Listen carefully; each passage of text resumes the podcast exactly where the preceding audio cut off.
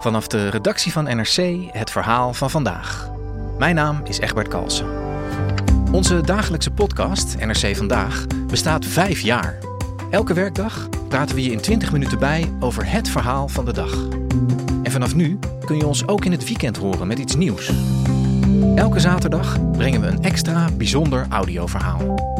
Luister NRC Vandaag nu, iedere dag in je favoriete podcast-app. Een geallieerde soldaat die geen schuilplek heeft. Een jonge, bange nazi-soldaat en een vrouw uit het Franse verzet die neergeschoten piloten redt. Exact 80 jaar geleden, op die day, begon de bevrijding van Europa in Normandië. In Radio Oranje volgen we deze drie hoofdpersonages en wat zij beleefden op die ene dag. Luister de D-Day special nu via podimo.nl slash Radio Oranje en probeer Podimo 30 dagen. Welkom bij Buitenlandse Zaken, een podcast van de Groene Amsterdammer. In deze podcast bespreken we internationale zaken en artikelen die in de Groene zijn verschenen. Buitenlandse Zaken verschijnt elke drie weken op groene.nl en op alle bekende podcastkanalen. Ik ben Rutger van der Hoeven, buitenlandredacteur van de Groene Amsterdammer en ik maak de podcast vandaag met twee gasten. Ruslandkenner Hubert Smeets en onze medewerker journalist Ingrid Gerkema. Ingrid schrijft hier straks aan en nu zit ik in ons nieuwe podcasthok met Hubert. Welkom. Dank je. Ik zit hier alleen, zoals vaste luisteraars wel hebben opgemerkt. Casper Thomas is nog één aflevering van Buitenlandse Zaken met ouderschapsverlof. Met Ingrid Gerkema ga ik straks praten over Servië. Daar vinden elke zaterdag de grootste demonstraties van Europa plaats waar u nooit van heeft gehoord. Althans, waarschijnlijk niet, want ze zijn niet vaak in het nieuws. Maar elke week demonstreren daar duizenden mensen die vinden dat de huidige regering hun land op een pad heeft gezet richting onvrijheid en autoritair bestuur. Servië stookt ook op een onheilzame manier in buurland Kosovo en neigt volgens velen in Europa gevaarlijk over richting Rusland. Dus genoeg om over te praten. Maar over Rusland ga ik het eerst hebben met Hubert Smeets. Hubert is journalist, oud-hoofdredacteur van De Groene, oud-correspondent in Moskou en medebeheerder van platform Raam op Rusland. Waar je gratis en voor niets hoogwaardige analyses kunt lezen, trouwens, over Rusland en omstreken. Nou Hubert, wij hebben al met elkaar op uh, over die vrijdag vorige week en zaterdag. Uh, toen een bewapend konvooi van Wagner-strijders, uh, Russische huurlingen dus, van Oekraïne naar Moskou reed om daar naar eigen zeggen orde op zaken te gaan stellen. Nou, ik, ik noemde dat in de Groene al een wilde dag op planeet Aarde. En het leek echt even mogelijk dat er een staatsgreep in de maak was tegen het regime van Vladimir Poetin. Nou, we nemen nu op op donderdag, een kleine week later. Kun je beschrijven hoe je die dag beleefde? Daar is een heel goed Duits woord voor klamheimliche Freude. Een soort van besmuikt plezier. Ik wilde het niet openlijk toegeven, maar ik had wel een beetje plezier. Ik dacht, wat voor een ongelofelijke bende heeft Poetin ervan gemaakt? En ik dacht ook, dit is gunstig voor Oekraïne. Um, dit geeft een beetje lucht. En ik heb later ook begrepen dat ook in Kiev en andere grote Oekraïnse steden uh, met zeer veel belangstelling werd gekeken naar de mars voor de, gerecht, voor de gerechtigheid die Prigozhin was begonnen op Moskou. Omdat ook in Oekraïne men dacht van dit verzwakt uh, het Russische front. Dit verzwakt vooral de Russische moraal van de troepen. En dat biedt ons kansen om ons zomeroffensief wat meer kracht bij te zetten. Maar het geeft vooral lucht. Het maakt duidelijk dat Rusland niet onverslaanbaar is. Sterker nog, dat Rusland in eigen land ook vijanden heeft. Um, althans, het regime vijanden heeft in eigen land. Uh, en dat is gunstig voor Oekraïne. Dus ik was um, uh, optimistisch geïnteresseerd. Ja, nou, ik had er niet zo'n uh, zo'n mooi Duits woord bij gereed, maar ik zat inderdaad ook met, um, met mooie hoop te kijken. Ik zag inderdaad uit, uh, uit Kiev allemaal beelden komen van mensen die de hele dag aan hun telefoon waren gekluisterd. Maar ik kreeg het er toch ook wel een beetje bang van. Op een gegeven moment um, had ik, zag ik een, een, een analist die schreef dat zij... Um, dat zij op dit moment langs een uh, basis waar nucleaire wapens opgeslagen lagen moeten, waar, moeten zijn gereden. Die zouden ze dan onder hun controle hebben. Ik zat toch wel te denken, als dit opeens een staatsgreep wordt, wat het niet duidelijk was op zaterdag, maar dan heeft deze man opeens Rusland in handen. Ja. En dat is toch ook wel iets waar, ja, de schrik me wel van om het hart sloeg. Ja, kijk, Prigozhin is geen haar beter dan Poetin. Uh, hij is erger. Het is een sadist. Het is een man die als uh, jonge crimineel zichzelf een, weg omhoog heeft gebaand. Uh, daarmee daarbij ook geweld zeker niet geschuwd heeft. Die Wagner-troepen die wekken de indruk van uh, macho's te zijn, maar het zijn ook hele gewelddadige eenheden die er niet tegenop zien ook om de, eigen, de eigen mensen te terroriseren. Hè. De bekendste geval daarvan is een Wagner-soldaat die krijgsgevangen was genomen door de Oekraïners, was uitgewisseld met de, met de Russische regering in een van die uitwisselingsprogramma's, die vervolgens werd doodgeslagen met een sloophamer. Uh, en die sloophamer werd vervolgens in de handen van uh, Prigozhin een soort van uh, symbool. Hè. Die, het was, werd een, het werd een, een ma mascotte bijna, die sloophamer. Dat zegt iets over de mentaliteit van Prigozhin. Ja, en, en, wat, en vervolgens stuurde die hem in een vioolkist naar het, Europese, naar het Europese parlement. Om duidelijk te maken dat ook wij door deze sloophamer getroffen zouden kunnen worden. Dus er is geen illusie denkbaar dat, dat Prigozhin het land in, op een betere koers had gebracht, Rusland. Maar... Um, je kan ook denken, en ik denk dat veel Oekraïners ook zo denken, alles beter dan Poetin. Want Poetin heeft controle over dat land. Poetin is uh, een spin in dat web van die verschillende machten binnen de elite die er zijn. De krijgsmacht, de geheime diensten, de binnenlandse strijdkrachten, de nationale garde, uh, Rosguardia. Niet onbelangrijk, maar daar komen we straks misschien nog over te praten. Uh, en als die centrale figuur in dat web wegvalt, dan zal wie er ook aan de macht komt in het Kremlin, eerst die betrokkenen, het zal ongetwijfeld een man zijn, zijn handen vol hebben aan zijn eigen machtspositie en heeft hij geen tijd voor Oekraïne. Dat is de redenering die de Oekraïners hebben en die ik eigenlijk wel deel. Maar ja, je had het over de kernwapens. Dat blijft het grote probleem van Rusland. En daarmee chanteert Rusland eigenlijk de rest van de wereld ook een beetje. Het is de grootste kernmacht van, uh, van de wereld. Um, niemand weet waar die spullen liggen. Niemand weet in, in welke staat die spullen zijn.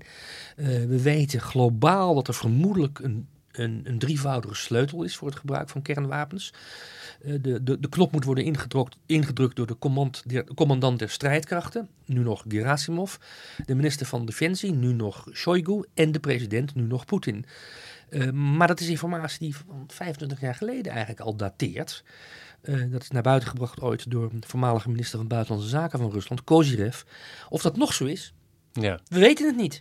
En je had het net over die verschillende, die verschillende facties. Nou ja, daar, zou ik twee dingen over willen vragen. Het ene over ja, het feit dat zij toch um, een aantal daarvan een beetje leken toe te kijken. Maar laten we eerst even over die facties hebben. We, hebben het, uh, we zien Rusland als een heel uh, verenigd land onder die leiding van, van Poetin, met hem als een dictator. Nou, jullie hebben net een stuk van, uh, van Sam Green op jullie, uh, op jullie site, die ook erop wijst dat Poetin nooit in die zin een dictator was, maar altijd verschillende facties in de gaten houdt en daar ook tussen balanceert.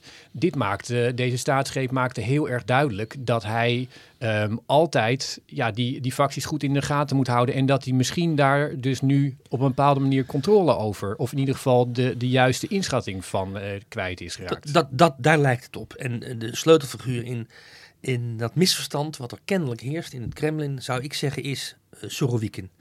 Sorowikin was de man die uh, vorig jaar commandant was van de militaire operatie tegen Oekraïne. Die is uh, eind vorig jaar vervangen door de commandant der strijdkrachten Grasimov zelf.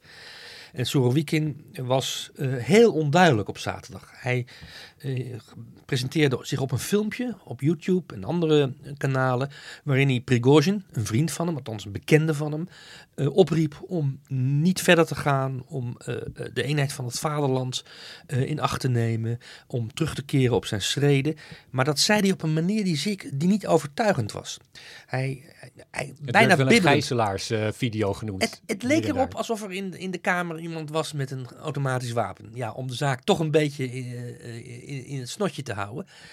Uh, en deze man, die heeft zich daarna ook verder niet meer uitgesproken. En daarover gaat het gerucht, het is niet bevestigd nog, uh, nu wij, op het moment dat wij spreken, dat hij is gearresteerd en gevangen zit in de Lefortovo-gevangenis in Moskou. Dat zou erop kunnen wijzen dat um, Poetin op dit moment en de fractie rondom Poetin bezig is om schoon schip te maken.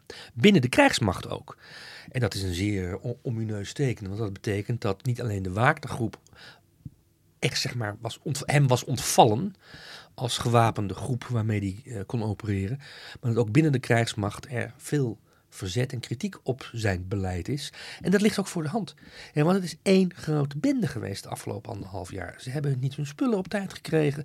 Ehm, daar klaagde Prigozhin ook steeds over. Hè. Waar blijft mijn munitie? Ehm, en Prigozhin zei daarbij, ik weet wel waar dat blijft. In de zakken van uh, minister Shoigu van Defensie en al zijn maatjes die een groot deel van het budget uh, naar zich toe trekken met, via allerhande corrupte schema's. Ehm, maar dat hebben ook gewone soldaten en ook gewone officieren in het Russische leger last van. Wedden worden vaak slecht uitbetaald. Beloofde premies ehm, eh, worden niet uitgekeerd. Wanneer je gewond uh, terugkeert, dan moet je maar hopen dat datgene wat je als compensatie krijgt ook daadwerkelijk wordt betaald. Um, dus dat, dat Russische leger is op dit moment eigenlijk, je zou kunnen zeggen, een, een, black box. We weten niet wat daar binnen gebeurt. We weten alleen dat dat geen geoliede machine is. Ja, daar, daarin toch een uh, vraag over. Nou, deze Surovikin over wie je het hebt, is ook een, een vreselijke man. En de slager van Aleppo werd hij onder andere genoemd voor, uh, voor hele goede redenen. Uh, maar deze, uh, het Russische leger heeft, uh, dat, ja, sommige mensen denken misschien dat dat, een, dat, dat duidelijk een, een, soort instabiele factor is. Maar in tegenstelling tot heel veel landen is er geen traditie van militaire staatsgrepen in Rusland. Er wel revoluties, maar niet dat leger, dat wordt vaak gezegd, dat moet onpolitiek blijven. Was het ook altijd. Maar dit zou dus een, een, daarmee een echte verandering zijn. En ook betekenen dat, dat daarmee Rusland misschien een stuk instabieler is dan het van de buitenkant lijkt. Ja, dat zou je kunnen zeggen eigenlijk is dit de eerste keer in 100 jaar, meer dan 100 jaar, dat er uh, vanuit het leger iets uh, wordt ondernomen tegen de politieke macht in Moskou. De laatste keer was in 1917. Vlak na de februari-revolutie, vlak voor de oktoberrevolutie, toen, toen uh, van 1917, toen uh, generaal Kornilov geprobeerd heeft om de macht naar zich toe te trekken, om te voorkomen dat Rusland zich uit de Eerste Wereldoorlog zou terugtrekken. Uh, waarin in de Eerste Wereldoorlog, waarin het Russische Rijk toen aan de kant van de, uh, van de Entente stond, aan de kant van het Westen, kort gezegd. Um, dus die traditie is er inderdaad in Rusland helemaal niet. Ik vind het nog te vroeg om te zeggen dat die, nu, dat die, dat die traditie er nu wel ineens is. Uh, want we weten niet of het leger toch ook niet op de achtergrond afgelopen, de legerleiding bedoel ik dan natuurlijk, afgelopen zaterdag op de achtergrond toch een beslissende rol heeft gespeeld. We weten alleen maar dat uh, Lukashenko, de president van Belarus, uh, een helder rol voor zichzelf opeist. Maar wat er op de achtergrond gebeurt is op het niveau van de legerleiding, op het niveau van uh, de geheime diensten. Dan heb ik het met name over de militaire inlichtingendienst GRU en de gewone staatsveiligheidsdienst FSB. Dat weten we allemaal nog niet. al die leiders van die, van die organen binnen de Russische staat hebben gezwegen tot nu toe. Dat is logisch, want kennelijk zijn ze bezig met uh, de boel opruimen. Uh, de Kamer aan kant brengen. En wie daarbij straks allemaal achter slot en grendel komen, dat zullen we gaan zien de komende tijd. Ja, en als we het hebben over, over die.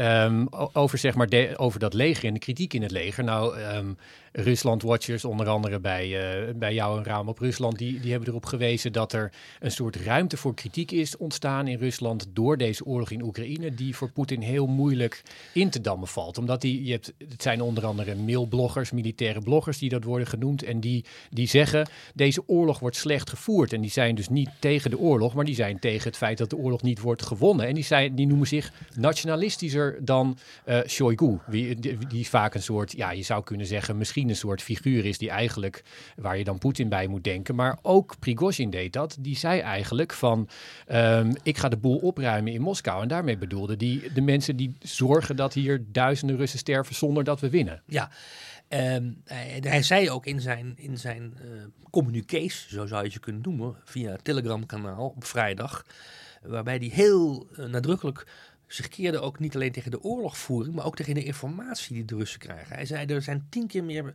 jongens gesneuveld uh, dan de staatsmedia melden. En er zijn vijf keer meer slachtoffers gevallen in deze oorlog dan gerapporteerd wordt aan de president. Dus niet eens aan de burger, maar aan het staatshoofd. Um, dat is, en die bloggers waar je het over hebt, die, die zijn roomser dan de paus. Dus de kritiek in Rusland, en dat hebben ze bewust gecreëerd, die ruimte afgelopen anderhalf jaar, denk ik, bewust althans. Um, die, die, die, die kritiek die komt dus eigenlijk van, de, van, van de, het kamp uh, waar Poetin altijd zich op heeft gebaseerd, waar Poetin altijd op heeft vertrouwd. De democratische oppositie, de liberale oppositie in Rusland zwijgt. Die weten zich geen raad. Die hebben zich opgesloten in de keuken Ehm, en die, eh, die denken van, nou ja, als dit overgewaaid is, dan, dan gaan we misschien weer eens wat naar buiten treden. Maar de militaire bloggers zijn de jongens die dat patriotisme aanzwengelen. En die hebben ook op de staatstelevisie ruimte gekregen. Maar die krijgen zeker ook binnen de sociale media ruimte. Dus de kritiek komt in Rusland uit het eigen kamp van Poetin. En dat maakt deze situatie zo gevaarlijk voor hem. Ehm, hij kan deze bloggers en ook zelfs Prigozhin, hoewel het wel probeert, niet afserveren als objectieve agenten van de vijanden in het buitenland. Dat heeft hij met Prigozhin wel geprobeerd. Hij heeft gezegd, ja, de buitenlandse vijanden van Rusland gebruiken jullie, de Wagner-troepen, om uh, Rusland te destabiliseren. Maar met die bloggers kan je dat bijna niet doen. Want die bloggers vinden elke goede Oekraïne een dode Oekraïne. Oekraïne. En, en, en de bloggers die, die roepen, uh, al dan niet via de propagandisten op de staatstelevisie, om de Rotterdamse haven te bestoken met nucleaire wapens. Om gewoon even, even korte, even korte metten te maken met dat land waar ook het internationaal strafhof is gevestigd, Nederland. Dus dat is, dat is eigenlijk heel lastig voor hem. Het zijn dus de neo-Stalinisten die Poetin nu aanvallen. En daar moet hij heel behoedzaam mee omgaan. En dat doet hij ook. Want hij is tot nu toe zeer terughoudend. Hij is niet agressief in zijn toespraken. Hij is eigenlijk ook een beetje aangeslagen, vind ik, als je naar hem kijkt. Voor zover we kijken naar de echte Poetin. Ehm, dus er is duidelijk iets aan de hand. En als hij het pleit wint, Ehm, de komende weken, uh, dan sluit ik niet uit dat er een grootscheepse zuivering aan de gang komen, uh, op gang komen. Als hij het pleit niet voor zichzelf wint en compromissen moet sluiten met deze harde vleugels binnen de veiligheidsdiensten en de krijgsmacht. Dan wordt zijn positie verzwakt. Dan, zal hij, nou ja, en dan, hij, dan moet er het collectieve leiderschap, om het maar even in oude Sovjet-termen te zeggen. Ja, als hij niet genoeg greep lijkt te hebben ook. Zeg, ik wilde deze mogelijkheid even aangrijpen om samen te luisteren naar die woorden van, van Prigozhin. Want de afgelopen week zijn er een, een aantal uh, kandidaten voor onze rubriek historische woorden langsgekomen. Nou ja, Poetin heeft zelf uh, twee keer een, uh, een, een, duit in het zakje gedaan met een toespraak op zaterdag. Die bedoeld was om ja, de muiterij in de kiem te smoren. Later eentje op maandag om nog een keer te zeggen dat het allemaal de schuld van het Westen was. Maar ja, de echte historische woorden zijn denk ik toch die van Prigozhin op vrijdag zelf. Зло, которое несет военное руководство страны, должно быть остановлено. Поэтому те, кто уничтожили сегодня наших парней, те, кто уничтожили десятки, многие десятки тысяч жизней русских солдат, будут наказаны. Nou, dat was het. Hij zegt. Um, de mensen die hebben gezorgd voor tienduizenden Russische doden, die gaan nu uh, betalen. En uh, ik, ik, waarschuw iedereen om uh, daar niet in de weg uh, te staan. Dit was nog gericht tegen de, het ministerie van Defensie, maar tegelijkertijd betekent dat ook um, ja, ofwel die minister van Defensie die heeft Poetin om, voor de gek gehouden om, uh, om um, Oekraïne binnen te vallen en dan is Poetin dom. Of hij, um, uh, hij staat erachter en dan is het eigenlijk kritiek op Poetin zelf. Ja, dit, deze passage is een passage waarin hij op de rand loopt van um, insubordinatie uh, van Poetin zelf. Steeds heeft Prigozhin gezegd: het gaat mij om de minister van Defensie Shoigu en de chefstaf Gerasimov. Maar hier suggereert hij dat het rot, uh, de leugen tot hoger in de Russische hiërarchie, hoger in de paramine is doorgevreten. En, hij, en dat is natuurlijk, en daarmee kan je zeggen, is dit wel al degelijk het begin van een soort van staatsgreep. Hij zegt ook dat iedereen die zich tegen onze troepen Wagner verzet, hè, die, uh, die zal ook de prijs moeten betalen die Shoigu en Gerasimov moeten betalen. Prigozhin zegt eigenlijk in deze toespraak um, dat in het gunstigste geval dat uh, Poetin niet meer weet wat er aan de hand is en misbruikt wordt en misleid wordt door zijn ondergeschikte. Klassieke redenering in de Russische politieke cultuur. De tsaar is goed, maar wordt omringd door kwaadsappige uh, adviseurs. Maar dat is alleen in het gunstigste geval, want later ook um, zegt hij um, dingen over het begin van de oorlog tegen Oekraïne Um, die toch eigenlijk ook wel een ondermijning zijn van de positie en de, het verhaal van Poetin. Maar dat wilde hij misschien net laten horen. La, laten we daar eens naar luisteren, Hubert. Я прошу никому не оказывать сопротивления. Те, кто будут пытаться оказать это сопротивление. Мы будем считать, что это угроза и уничтожать немедленно. Tja, we vragen niemand om in ons weg te staan en iedereen is welkom om, ons, uh, om zich bij ons aan te sluiten. Nou, dat is toch gewoon een oproep voor een revolutie. Dat is een oproep voor. Uh, dat is een muiterij die verder gaat dan alleen maar. Uh, een protest tegen het gebrek aan, uh, aan goed voedsel in de, in de militaire kampen. Dit is absoluut muiterij. En zo wordt het ook door Poetin gedefinieerd. Uh, hij zegt ook, niet hier uh, in, deze, in, deze, in deze passage, maar hij zegt ook in een van die vele communiqués dat de oorlog tegen Oekraïne op valse voorwenselen, onder valse voorwenselen is begonnen. Hij zegt, Oekraïne bedreigt ons helemaal niet. Er was geen sprake van dat Oekraïne met massavernietigingswapens gebouwd en geleverd de Verenigde Staten op het punt stond om Rusland iets aan te doen. En daarmee, en dat denk ik was voor Poetin uh, de grootste bedreiging van deze muiterij van Prigozhin, daarmee onderhaalde hij het hele verhaal van Poetin over de oorlog tegen Oekraïne onderuit. Poetin heeft altijd gezegd vanaf de eerste seconde, deze oorlog is preemptief. Wij moesten de eerste klap uitdelen om te voorkomen dat we uh, aangevallen zouden worden vanuit Oekraïne. Prigozhin zegt, kletskoek, was geen sprake van.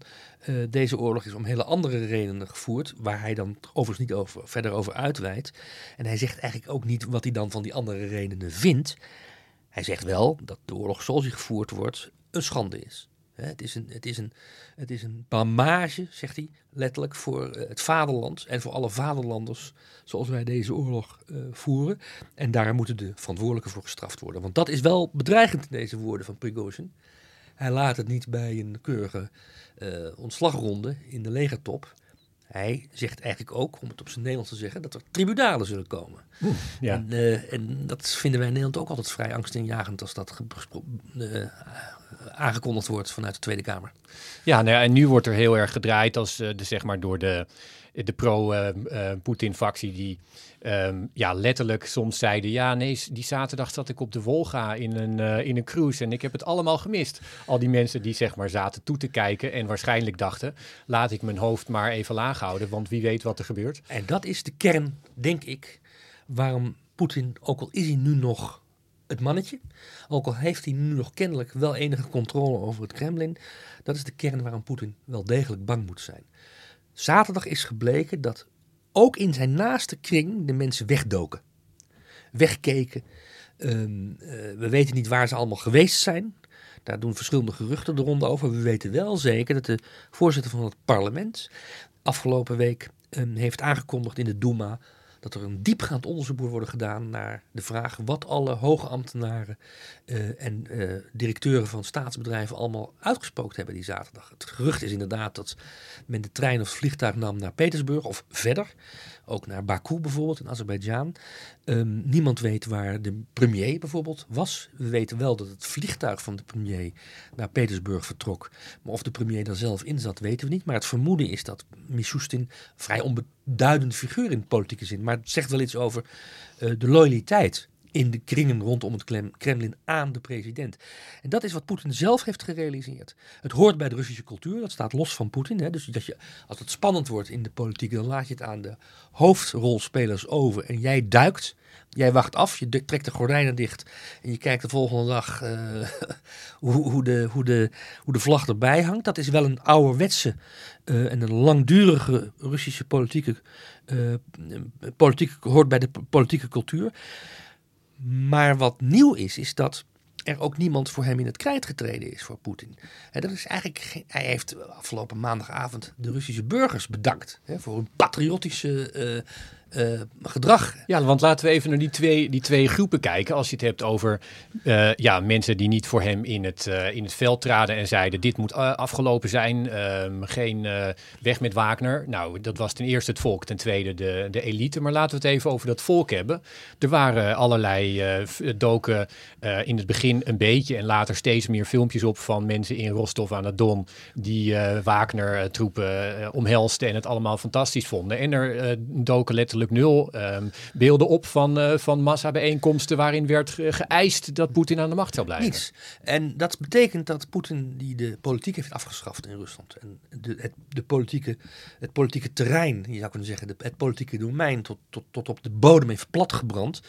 Dat Poetin daarmee ook een potentiële steun voor hem uh, heeft geliquideerd, heeft vernietigd.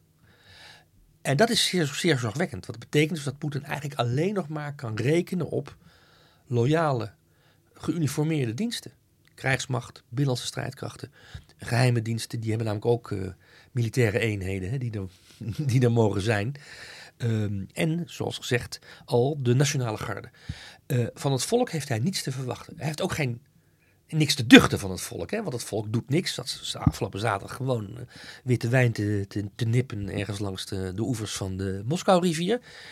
Maar hij heeft er ook niks van te verwachten. En dat maakt hem eenzaam. En dat maakt hem tot, je zou kunnen zeggen, tot een marionet in theorie, als dit zo doorgaat, van de verschillende gewapende groepen.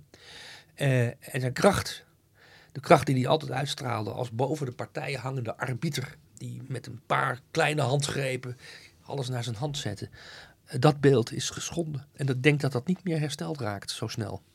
Nee, niet met een filmpje waarin hij uh, ergens in Dagestan zich uh, laat omhelzen zoals, zoals gisteren. Maar laten we even naar die andere groep kijken. Die is, uh, die is dus nou ja, veel belangrijker. De, de elite in, in Rusland denken veel mensen dan aan oligarchen. Maar in werkelijkheid zijn ehm, de mensen die voor de overleving van Poetin belangrijk zijn... zijn wat, wat vaak de sterke mannen worden genoemd. Mensen die in ieder geval de veiligheidsdiensten of leger um, hoge posities of de juiste connecties hebben en die dat vaak gebruiken dan om vervolgens rijk te worden. Um, deze mensen die zaten dus ook uh, een beetje op de, op de schutting uh, te wachten. Poetin kan, kan op deze manier niet verder. Hij zal of ten eerste lijkt me um, zeker moeten maken dat, hij, uh, dat er geen bedreiging van hem uh, uit, die, uit die hoek komt. En twee, dat zij ervan overtuigd blijven dat hij de man is die hun kan leveren wat ze willen hebben. Ja, dat, dat laatste is, heel, eh, dat is, dat, is, dat is de hoofdzaak. We hebben, maar even, om, even één puntje op de i. Um, je moet de gewapende machten in Rusland niet over één kam scheren. Dat zijn er heel veel. Ik zei het al, je hebt het leger, je hebt de marine, je hebt de luchtmacht. Dat is gewoon reguliere krijgsmacht. Maar je hebt ook heel veel gewapende groepen die eigenlijk privé zijn. Wagner was een privé-eenheid. Maar je hebt bijvoorbeeld in het zuiden van, uh, van uh, Rusland, in de Caucasus, heb je de zogenaamde Kadyrovci, de doodseskaders van de leider van Tsjetsjenië, Kadyrov. Die, uh, die hebben een hele autonome rol. Die luisteren misschien wel luisterden tot nu toe wel naar Poetin. Maar of ze blijven luisteren naar Poetin is de vraag. Je hebt ook staatsbedrijven die hun eigen veiligheidsdiensten helemaal hebben opgepimpt afgelopen jaar. Tot, nou ja, je zou zeggen, paramilitaire organisaties. En dan heb ik het over de veiligheidsdiensten van Rosneft, het grootste olieconcern van Rusland. En Gazprom, het grootste energieconcern van bijna de wereld. Um, ik zeg niet dat die veiligheidsdiensten die bijna een paramilitaire status hebben, dat die zich zullen gaan mengen in de politiek. Maar het, het is wel een factor die het moeilijk maakt voor Poetin om Rosneft en Gazprom zomaar even in de houding te zetten als hij geld nodig heeft. Want vergeet niet, de schoorsteen moet blijven roken. Deze oorlog kost klauwen met geld. En dat is ook een van de redenen waarom Poetin de afgelopen anderhalf jaar de, de, zakenwereld met rust gelaten heeft. Maar niet met rust gelaten uh, in de zin van uh, geen belasting heffen. Sterker nog, ze moeten heel veel belasting betalen. Maar ze mogen wel hun gang gaan. Dat is wat Poetin altijd onderscheidde van zijn meer radicale patriotische aanhangers. Hij begreep dat het kapitalisme en de markteconomie onontbeerlijk was voor, uh, voor zijn economische uh, overleving. Um, dus die, uh, die, die, die, die zakenlieden, uit met name uit het, uit het staatsmonopoliekapitalisme, het militair-industrieel complex en allerhande grote energieconcerns, uh, die hebben ook hun pretenties. En dan hebben we nu, en ik denk dat dat de belangrijkste militaire factor kan worden de komende tijd in Rusland, die nationale garde. Ik heb het al genoemd, dat is een, een groep van nou, 500 tot 800.000 gewone militairen. Strikt genomen hebben ze een binnenlandse taak. Uh, ze zijn opgericht om. Ze, ze, opereren trouwens ook in Oekraïne hoor. Maar ze zijn opgericht om uh, de orde in Rusland zelf te handhaven. Dat vertrouwde Poetin niet toe aan de politie. Um, en dat zijn 500 tot 800.000 zwaar bewapende mannen met veel materieel. Eh, en de, de leider van, eh, van die nationale garde, Zolotov, die was de afgelopen dagen regelmatig te zien. En die zag er goed uit, om maar even zo te zeggen. Die was niet ontevreden. Dus ik denk dat zijn positie heel erg versterkt is de afgelopen dagen. En de loyaliteit van dat soort mensen, ja, het is zolang als het breed is. Hè. Als ze denken dat ze ergens anders meer kunnen verdienen, dan zijn ze zo overgelopen. Laatste vraag dan. Die Prigozhin zelf, die mocht naar Belarus. In mijn ogen een hele, ja, toch een hele grote gok van Lukashenko. Want hij heeft net gezien wat, ehm, wat Prigozhin met dat legertje heeft, eh, heeft uitgespookt in Moskou. Maar goed, eh, hij maakt zich wel weer relevant. eh, is een overlever, dus hij, hij weet dat ongetwijfeld. Op lange termijn heeft hij dat beter ingeschat dan ik. Maar ehm Prigozhin die loopt wel weg, zou je kunnen zeggen. Hij wordt niet gestraft, terwijl je toch zou kunnen denken dat moet, ehm, dat moet Poetin gewoon even heel duidelijk doen. Hij heeft hem een nationale verrader genoemd. Ehm, daar moeten consequenties voor zijn. Wat, wat, wat gaat hier gebeuren, denk jij, met, met Prigozhin? En is dit een, een oplossing die, eh, die kan blijven? Mm, we weten niet waarom hij naar Belarus is gehaald. We weten wat Lukashenko erover gezegd heeft. Hè, die daar hier, eh, een paar dagen geleden Dat hij gewoon wilde helpen. eh, ja, gewillig wilde helpen. En die hield een soort van ja, praatje voor allerhande geuniformeerde mensen in Minsk. Wat nog ontbrak in, de, in zijn presentatie was een sigaar in zijn ene hand en een glas cognac in zijn andere hand. Hè, bij de open haardvuur. Eh, o- o- ome Sasha, Lukashenko, die sprak gewoon over wat er allemaal gebeurd was. Het was wel adembenemend om naar te luisteren. Hoe hij vertelde hoe hij met Poetin belde. En hoe Poetin het niet meer wist. En hoe Poetin geen zin meer had om überhaupt met Prigozhin te spreken. En dat hij toen zei, nou dan doe ik het wel. Ik pak het wel op. Ik zie wel kansen. Want we moeten de eenheid van het vaderland van Brest tot Vladivostok toch in, in, in, in ere houden, et cetera. Ehm, het kan zijn dat, ehm, dat hij eh, daar gewoon eh, met een kleine groep mensen in een soort van ballingschap zit. En dat Lukashenko denkt dat de Wagnergroep onder leiding van Prigozhin... Want Prigozhin was niet de militaire commandant. Hè? Hij was natuurlijk in wezen, in wezen, in wezen de marketeer. De, super, de supermarketeer, PR-man van, eh, van Wagner. Ehm, dat hij eh, Wagner denkt te kunnen gebruiken in eigen land. Wanneer eh, de positie van Lukashenko bedreigd wordt door, door de oppositie in, in Belarus. Want laten we eerlijk zijn... Belarus is maatschappelijk ook al drie jaar onrustig. En hij heeft een beetje moeite om zijn eigen leger op zijn eigen mensen af te sturen. Dat, dat doet het leger liever niet. Het leger wil ook niet in de Oekraïne eh, vechten, want dat vinden ze eh, niet hun taak. Gelijk denk ik hebben ze bij Beetje het, gevaarlijk ook. bij het Belarussische leger. Eh, het kan ook zijn eh, dat, en dat moeten we toch niet helemaal uitsluiten, is dat Prigozhin gewoon ge- geliquideerd wordt door een, een speciale eenheid van de FSB of de inlichtingendienst GRU. Want laten we eerlijk zijn, Poetin is, ehm, hij heeft weliswaar eh, die strafvervolging laten seponeren tegen Prigozhin. Tenminste, dat wordt gezegd, maar dat, in Rusland kan dat morgen natuurlijk weer anders zijn. Eh, maar hij blijft wel een oude KGB'er. En zijn manier van ehm, recht halen is over het algemeen voor, voor de rechter. En dan kan hij zich verschuilen achter zijn rechtsstatelijke natuur. Maar de laatste jaren natuurlijk ook steeds meer via moordaanslagen en doodseskaders die, die, die hij op pad stuurde. Ik zou als ik Prigozhin was niet helemaal gerust zijn in Minsk. Nee, en je thee eh, eventjes controleren op zijn radioactiviteitsgehalte. Absoluut, ja. Kijk, een tellertje nou, lijkt me altijd handig. Eh, als als eh, Poetin tot dit soort dingen opdracht geeft, dan doet hij het altijd graag heel zichtbaar. Dus in dat geval zal ehm Prigozhin ook ehm, waarschijnlijk niet stilletjes overlijden en zullen we dat, dat meekrijgen. Maar we gaan het allemaal zien, Hubert. Ontzettend interessant. Ehm, ik, eh, ik hoor, spreek hier ongetwijfeld weer. En ehm, nou ja, laten we eh, op een later tijdstip weer terugkijken naar deze dag en wat van gekomen is. Ja, deze puzzel kan je alleen maar achteraf leggen. Dat is het frustrerende van de politiek in Rusland.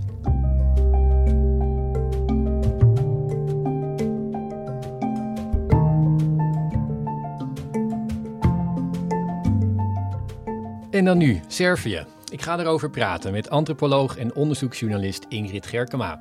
Ingrid schrijft vaak lange en bijzondere verhalen, vaak voor De Groene, maar ook voor NRC en Süddeutsche Zeitung. Ze focust zich nu meer op de Balkan en won in mei nog een journalistieke prijs in Servië.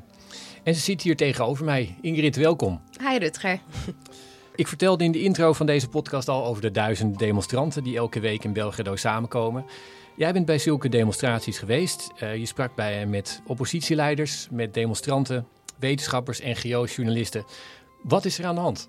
Er zijn dus al weken massaprotesten in Belgrado. Eh, en de aanleiding is eigenlijk, eh, zijn eigenlijk de twee schietpartijen ehm, die in mei plaatsvonden. Eén op een basisschool in Belgrado En een ander op een dorp 60 kilometer verder weg van Belgrado, waar um, ehm, 17 mensen zijn gestorven, en waarvan ook acht kinderen. En dat was soort van de druppel uh, op de hete plaat. De, de bevolking is woest. Uh, ze komen al weken samen. Maar die protesten die eigenlijk uh, gepresenteerd werden als protesten tegen geweld, zijn eigenlijk ook verkapte anti-regeringsprotesten tegen Alexander Vucic, de, de president, en zijn Servische progressieve partij. Ja, want je zegt verkapt. Maar ik heb een paar reportages daarover gezien waar, waar mensen gewoon heel duidelijk zeiden: wij willen uh, geen autoritaire staat, wij willen uh, vrijheid, wij willen hier de, ja, de, de rechtsstaat hebben. Um, dus dat ging, gaat natuurlijk veel breder dan een schietpartij waar mensen boos om zijn. Ja, dat klopt zeker ook. Onofficieel is het een anti-regeringsprotest. Er lopen mensen rond met uh, grote spandoeken met Vucic in een boevenpak uh, en de premier Anna Bernabic in een boevenpak. En uh, schreeuwen mensen leuzen als Alexander Vucic moet aftreden. Maar officieel is het protest tegen geweld en zijn de eisen wat complexer. Um, zo willen ze bijvoorbeeld de demonstranten dat uh, minister van Binnenlandse Zaken uh, aftreedt en ook de chef van de Veiligheidsdienst, Alexander Voelin. Um, en dat de uh, licenties van de televisiezenders Pink en Happy TV worden stopgezet. Dus het is verkapt in dat de officiële eisen dus eigenlijk niet het aftreden van de overheid zijn, maar onofficieel en, en eigenlijk iedereen weet dat het tegen Vucic is. Je, je zegt het is duidelijk dat het tegen voetjes is. We gaan straks nog even hebben over die, wil ik je vragen, over, over die man zelf. Maar um, er is een heel wijdverbreid gevoel bij uh, veel mensen, met name in Belgrado, uh, die vinden dat hij het land uh, richting een autoritaire staat aan het duwen is. Klopt dat? Ja, dat klopt volledig. je hebt de. Nou, je moet het eigenlijk zo zien, de politiek in Servië. Je hebt, en dit is wel heel zwart-wit, maar je hebt de uh, conservatieve pro-Russische stemmers die vaak op het platteland en, en buiten Belgrado wonen. En dan heb je de jonge oppositie, stedelingen in Belgrado die veel meer pro-EU en pro-democratie zijn.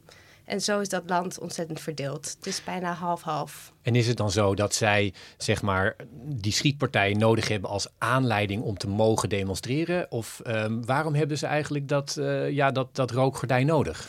Ja, ze hebben uh, een moment nodig. Uh, traction. Um, uh, de vorige grote protesten waren bijvoorbeeld bij lithium, toen Rio Tinto een, een, mijn wilde opzetten. en er is gewoon iets nodig om die mensen te motiveren.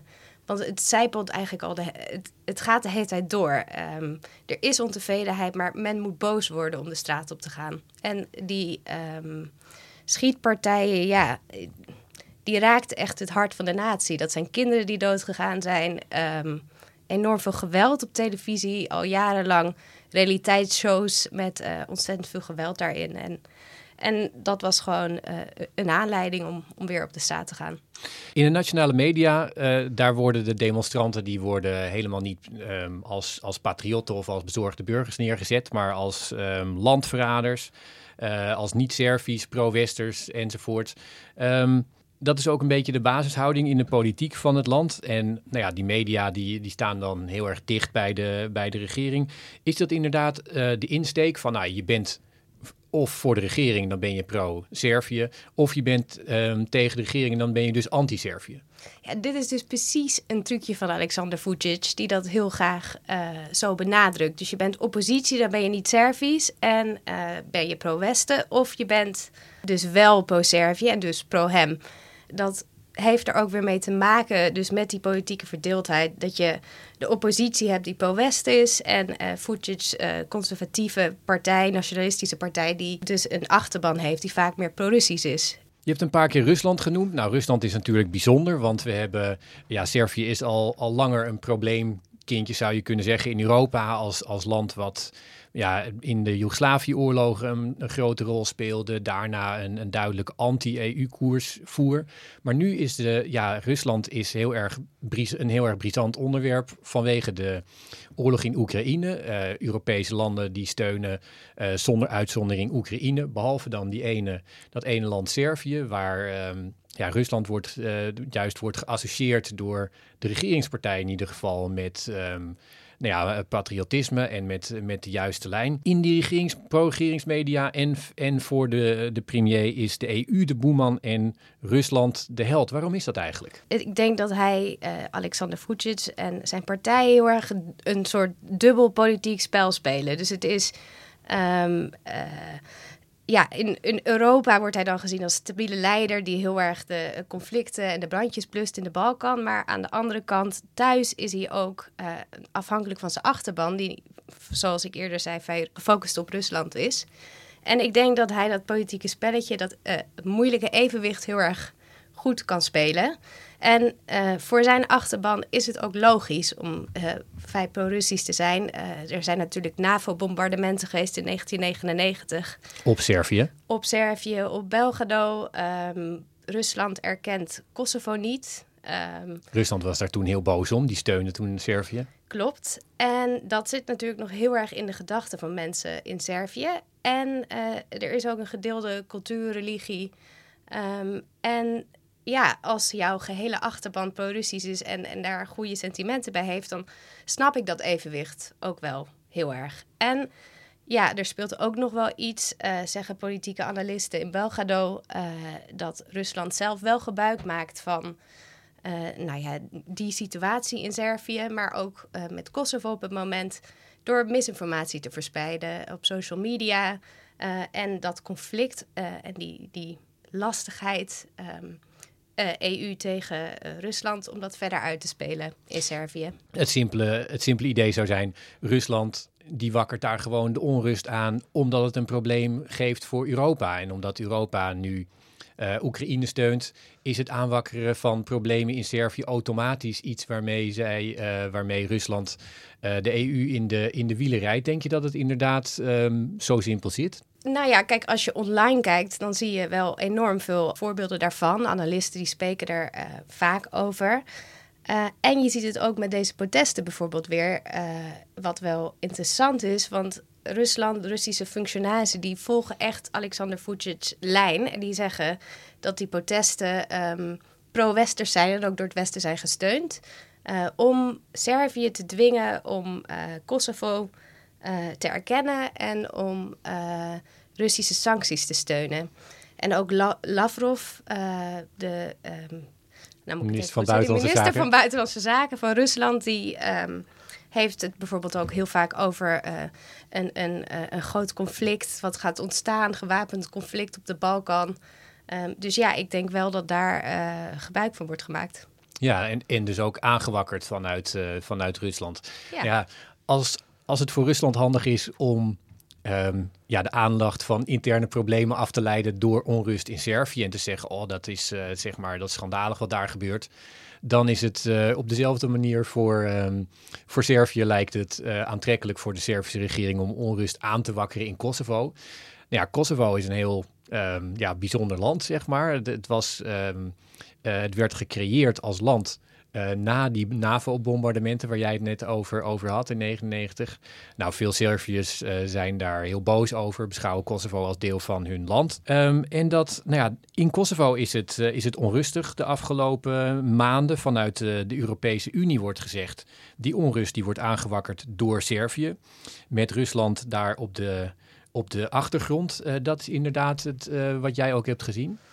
Ja, volgens sommige Balkan-experts gebruikt Vucic die situatie in Kosovo als een soort van afleiding. Dus het is een, een onderdeel van zijn playbook, zeggen deze experts. Dus het, is, uh, het gaat dan zo. Uh, hij, het conflict escaleert weer. Uh, hij draagt daar aan bij. Um, hij stuurt het leger naar de grens. er gaat daar nou, van alles mis. Maar uiteindelijk doet Vucic dan een concessie, water bij de wijn. En uh, komt dan als een soort van held, wordt hij dan aangehaald door de Europese Unie als de redder van het conflict, als, als uh, diegene die stabiliteit brengt. Dus weer terug naar, die, naar het feit dat hij als stabiele leider in de Balkan wordt gezien. Of dat deze keer is gebeurd, dat is natuurlijk nog maar de vraag. En aan de andere kant uh, zeggen experts in Servië dan weer dat de Kosovaarse premier Albin Kurti precies hetzelfde doet. Uh, en dat hij deze keer verantwoordelijk is voor de escalatie van het, uh, van het geweld. Dat hij in Servië onrust aanwakkert. Ja, dat hij in Servië uh, eh, onrust aanwakkert. En ook etnische Serviërs heel erg in gevaar brengt in het noorden van Kosovo. Dus ja, wat daar nou waar is, dat weet ik niet. Maar uh, het is wel iets wat Vucic eerder heeft gedaan. Ja, ja en, en een beetje klinkt als te veel mensen die, die, die baat hebben bij uh, onrust opstoken ergens, ergens anders. Nou, je hebt een, een, paar keer gehad over die president Vucic. Dat is wel een geval apart. Hij was al minister onder Milosevic, waar we, ja, een regering waar we niet zulke uh, goede herinneringen aan hebben in, in West-Europa. het is een hele grote man, twee meter lang, heel, heel, heel imposant. Uh, en hij heeft nogal twijfelachtige connecties richting de, de misdaad en ook richting Belgrado's voetbalhooligans. Er stond een, een heel groot uh, portret waar jij, me ook op had gewezen in de, in de New York Times van duizenden woorden lang uh, een maand geleden. Um, is dit inderdaad zo'n, als je als je, dat van, als je dat zeg maar zo samengevat hoort, dan denk je, hoe fout kun je je leiders kiezen? Maar is dit een, een karikatuur of denk je inderdaad van, nou, dat is toch wel echt het geval? Ja, ik denk het ligt er heel erg aan wie je die vraag stelt. Als je onderzoeksjournalisten die vraag stelt in Belgrado, ja, die hebben het alleen maar over zijn onorthodoxe methodes en, banden met voetbalhooligans. Um, en aan de andere kant heb je dan uh, mensen die hem steunen, die hem zien als uh, een hele stabiele leider. Je, je, zegt het voorzichtig, maar die voetjes is toch gewoon tuig? Ik bedoel, je, je, je bent heel genuanceerd en, en, dat, en dat waardeer ik ook. Maar als je leest over al die, die connecties die hij heeft en alles wat onderzoeksjournalisten die jij heel goed kent uh, naar boven halen, dan is deze man is gewoon echt fout nieuws. Ja, ik denk dat hij zeker heel onorthodoxe methodes gebruikt. En ook met mensen waarvan ik sprak, dat hij ze dwingt om naar protesten te komen. Um, dat hij alleen maar verkiezingen aankondigt om weer herkozen te worden, mediamanipulatie. Ja, ik denk dat uh, Servië wel um, een, een lastig persoon als hun president heeft op het moment. Oké, nou goed, de, tuig neem ik terug hoor, Alexander, sorry. Maar um, dat foute nieuws uh, misschien toch maar niet.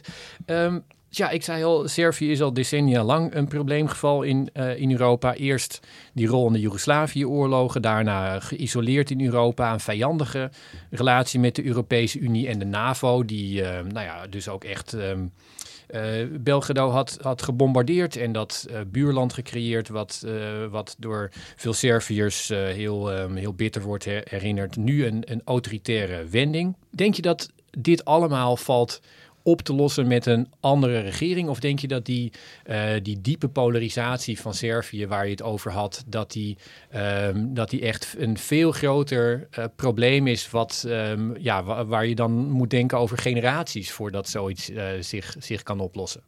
Oh, dat is wel heel, heel negatief. Nee, ik heb hoop. Ik heb vooral hoop op de jongeren in Servië. Ik heb er een heleboel gesproken.